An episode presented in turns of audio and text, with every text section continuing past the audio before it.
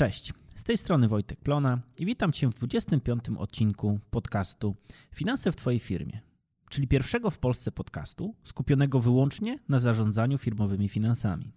Podcast jest przeznaczony dla przedsiębiorców, którzy chcą uporządkować finanse w swojej firmie i zarządzać nimi na podstawie twardych danych. Spółka, którą prowadzę, Plona Consulting, wspiera właścicieli małych i średnich firm w skutecznym zarządzaniu finansami na podstawie twardych danych. Mówiąc wprost, dostarczamy przedsiębiorcom dane, dzięki którym wiedzą wszystko, co powinni wiedzieć o rentowności, marżowości, płynności i innych wskaźnikach finansowych swojego biznesu. Kiedy ten odcinek jest publikowany, mamy w kalendarzu 21 grudnia. Nowy rok już za 10 dni, co oznacza, że jest to ostatni odcinek podcastu Finanse w Twojej firmie w tym roku. Tematem dzisiejszego odcinka jest zatem to, jak podsumować rok w finansach, jakie informacje warto zweryfikować pod koniec roku i dlaczego warto to w ogóle zrobić. Może ja mówię pod koniec roku, natomiast wiadomo, że większość wyników finansowych, danych, statystyk dostaniemy dopiero po zakończeniu fizycznego 2022 roku. A dodatkowo, skoro jest to ostatni odcinek w tym roku, to na koniec podsumuję krótko 2022 rok, jeżeli chodzi o podcast Finanse w Twojej firmie. Ten odcinek, dotyczący podsumowania roku, nieprzypadkowo pojawia się dopiero pod koniec grudnia. Część słuchaczy zapewne zastanawia się, dlaczego dopiero teraz i że czas rocznych podsumowań w sumie już jest za nami. I tu powiem, że nie do końca, bo patrząc po naszych klientach, końcówka roku jest dla biznesów bardzo różnym okresem. Podczas kiedy jedne firmy trochę się nudzą, narzekają na brak zamówień i faktycznie mają czas na podsumowania, tak inni mają wtedy urwanie głowy. Na przykład nasi klienci z branży e-commerce, często sprzedający produkty konsumenckie, takie jak ubrania czy kosmetyki, nie wiedzą w co włożyć ręce, ponieważ mają czarne piątki, black weeki, czy nawet ostatnio słyszałem o czarnym miesiącu.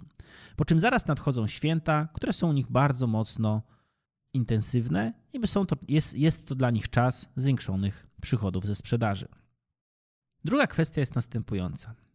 Aby podsumować rok, to warto mieć dostęp do danych rocznych, co jest istotną kwestią, bo cały dzisiejszy odcinek będzie bazować na założeniu, że będziesz miał już niedługo dostęp do takich danych. Jeżeli natomiast tak nie jest i na wiarygodne dane z 2022 roku będziesz czekać do czerwca 2023 roku albo do września 2023 roku, to uznaj to proszę za sygnał ostrzegawczy i cofnij się do poprzednich odcinków podcastu, w którym często wspominam o tym, jak ważny jest szybki dostęp do wiarygodnych danych. Mając to za sobą, przejdźmy zatem do tego, co faktycznie warto podsumować, na jakie wskaźniki warto zwrócić uwagę w rocznym podsumowaniu i którą wiedzę warto sobie zaktualizować. Pierwsze, na co warto zwrócić uwagę, to co w zasadzie chcemy porównać. I tutaj rekomenduję dwa podejścia, z których możemy wyciągnąć bardzo dużo informacji. Pierwsze podejście to porównanie rok do roku, czyli na przykład dany wskaźnik z całego 2021 roku w porównaniu z całym 2022 roku. To podejście przydać się, aby zobaczyć bardziej ogólne informacje i porównać ze sobą ważne strategiczne wskaźniki albo zobaczyć pewne trendy w Twojej firmie. Natomiast drugie podejście to porównanie miesiąc do miesiąca, czyli jak zachowywał się dany wskaźnik albo grupa wskaźników na przestrzeni całego roku, który analizujemy. To podejście pozwoli Ci zagłębić się we większe szczegóły. Na przykład zobaczyć, jak w ciągu roku zmienia się marża i z czego to konkretnie wynika. Albo czy w naszym biznesie, albo w jakiejś gałęzi, jego gałęzi występuje sezonowość. Taka analiza jest szczególnie ważna w planowaniu kolejnego roku, aby móc odkryć sezonowo, sezonowość, ocenić, czy ludzie i zasoby, które posiadaliśmy, były wystarczające, czy w danych miesiącach lub kwartałach działy się niepokojące rzeczy. Rozróżniam te dwa podejścia, bo jedną kwestią jest wiedzieć, że cały nasz biznes przyniósł w tym roku na przykład 2 miliony zysku, a drugą kwestią jest wiedzieć, że 1,5 miliona zysku zostało wygenerowane tylko w przeciągu listopada i grudnia. Jest to istotne rozróżnienie, którego świadomość jest bardzo pomocna w porównaniu i podsumowaniu roku. Jeżeli chodzi o konkretne czynniki czy wskaźniki, które warto zamieścić w swoim rocznym podsumowaniu, to zacznijmy od tego najprostszego. Czyli po pierwsze, wartość przychodów ze sprzedaży. Warto spojrzeć na to zarówno w odniesieniu ogółem, jak i z podziałem na linie biznesowe czy grupy produktowe. Tu można śmiało odnieść się do tego, czy nasze plany biznesowe i strategia jest realizowana. Czy założenia z początku roku, przykład o wejściu w dany segment lub usługę, mają faktyczne odwzorowanie w liczbach. Czy dzisiaj, mówiąc sobie jako właściciel, to jest dla mnie ważne i się na tym skupiam? Czy jest to odwzorowane w wynikach, czy tylko w Twoich myślach? Dzięki podsumowaniu przychodów będziesz miał lepsze pojęcie o tym, czy Twój biznes rośnie, czy się kurczy, a porównaniu kilku lat pomoże Ci też określić, jak wygląda tempo rozwoju. Czyli na przykład Twoja firma rośnie, ale z roku na rok rośnie coraz wolniej. Co może być dla Ciebie sygnałem, czy warto angażować dalej tak duże środki na inwestycje. Po drugie, koszty bezpośrednie i marża. Zarówno ogółem, jak i w rozbiciu na poszczególne linie biznesowe lub grupy produktowe. Warto zweryfikować, czy usługa, produkt, rynek, który był kluczowy w kontekście osiągania marży, dalej nim jest.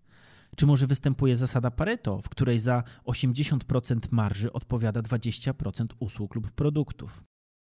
Podobnie jak w przypadku pierwszego punktu, warto odnieść to do, do, linii biznesowej, czy jeżeli prowadzisz firmę handlowo-usługową, to warto, abyś wiedział, jak wygląda marża działalności handlowej, a jak marża działalności usługowej, bo tutaj bywają często niespodzianki. Po trzecie, to w jaki sposób alokujemy nasze zasoby lub inaczej, jaką mamy strukturę kosztów, gdzie dzisiaj kierujemy środki w naszej firmie, na jakie działania, na jakie usługi i na jakie produkty i czy odpowiada to Twoim planom i strategii biznesowej. Po czwarte, realizacja budżetu. Lubię patrzeć w realizację budżetu.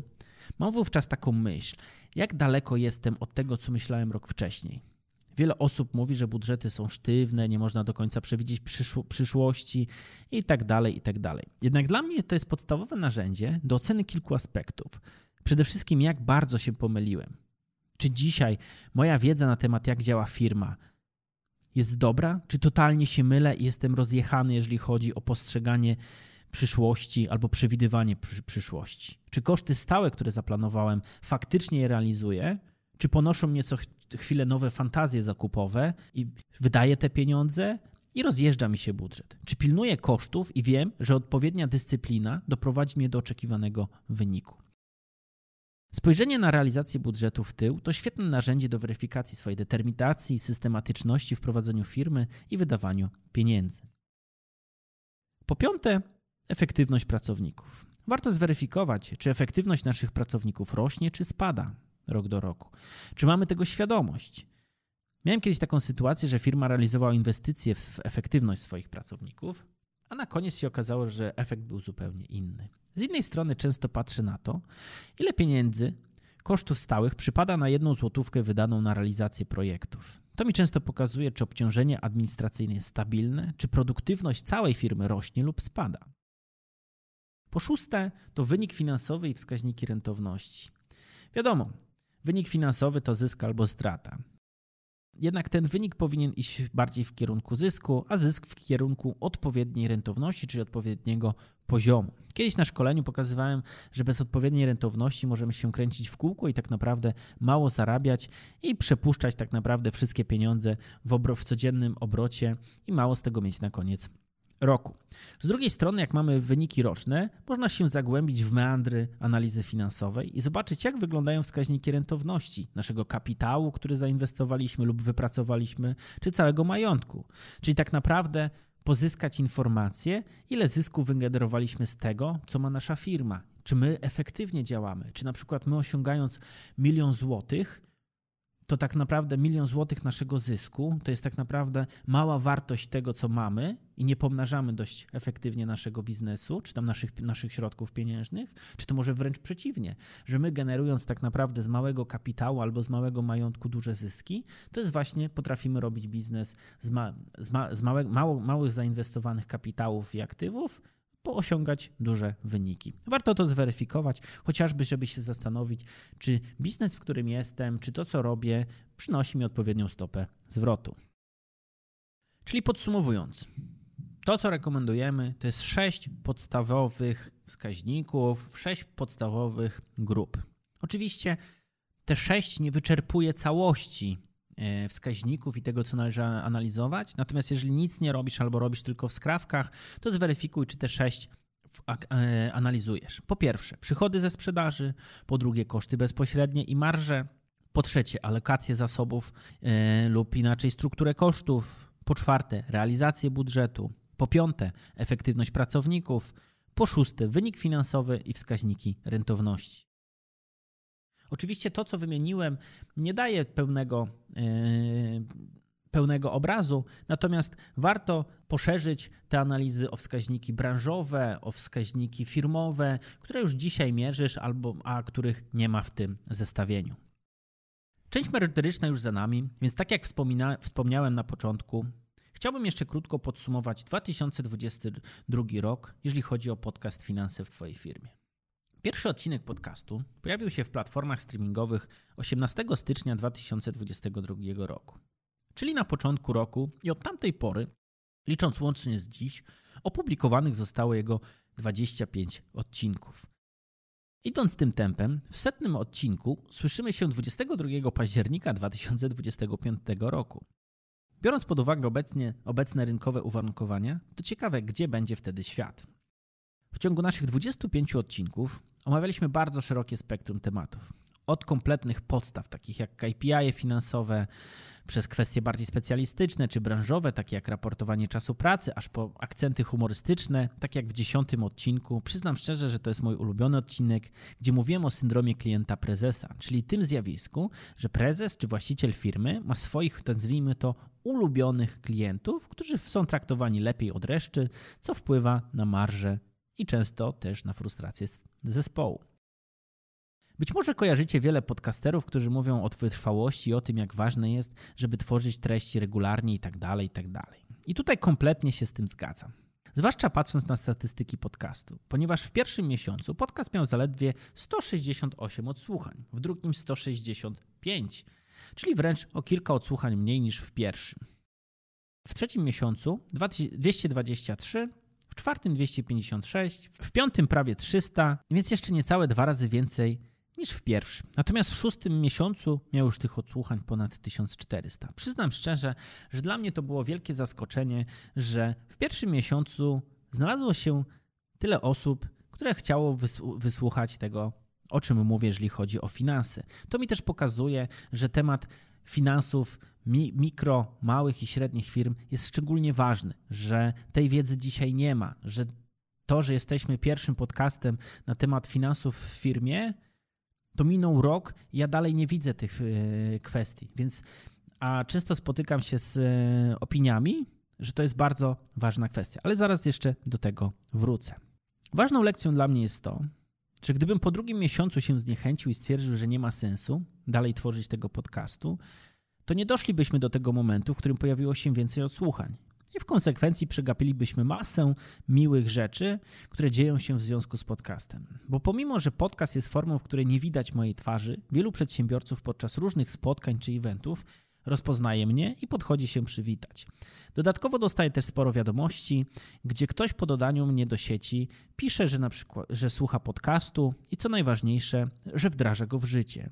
To samo zauważamy podczas bezpłatnych konsultacji, gdzie osoby, które chcą porozmawiać o naszych usługach i o tym, jak możemy ich wesprzeć w porządkowaniu finansów, mówią o zmianach, które wprowadzili do swoich firm w związku z podcastem. Na przykład, że zaczęli pobierać część wynagrodzeń z góry, dzięki czemu mocno polepszyła się ich płynność.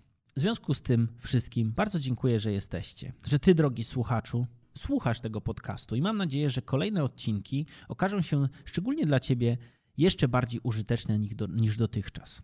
Krótka prośba ode mnie. Jeżeli uważasz, że finanse w Twojej firmie jest wartościowym podcastem, zostaw mu proszę ocenę w serwisie streamingowym, z którego korzystasz.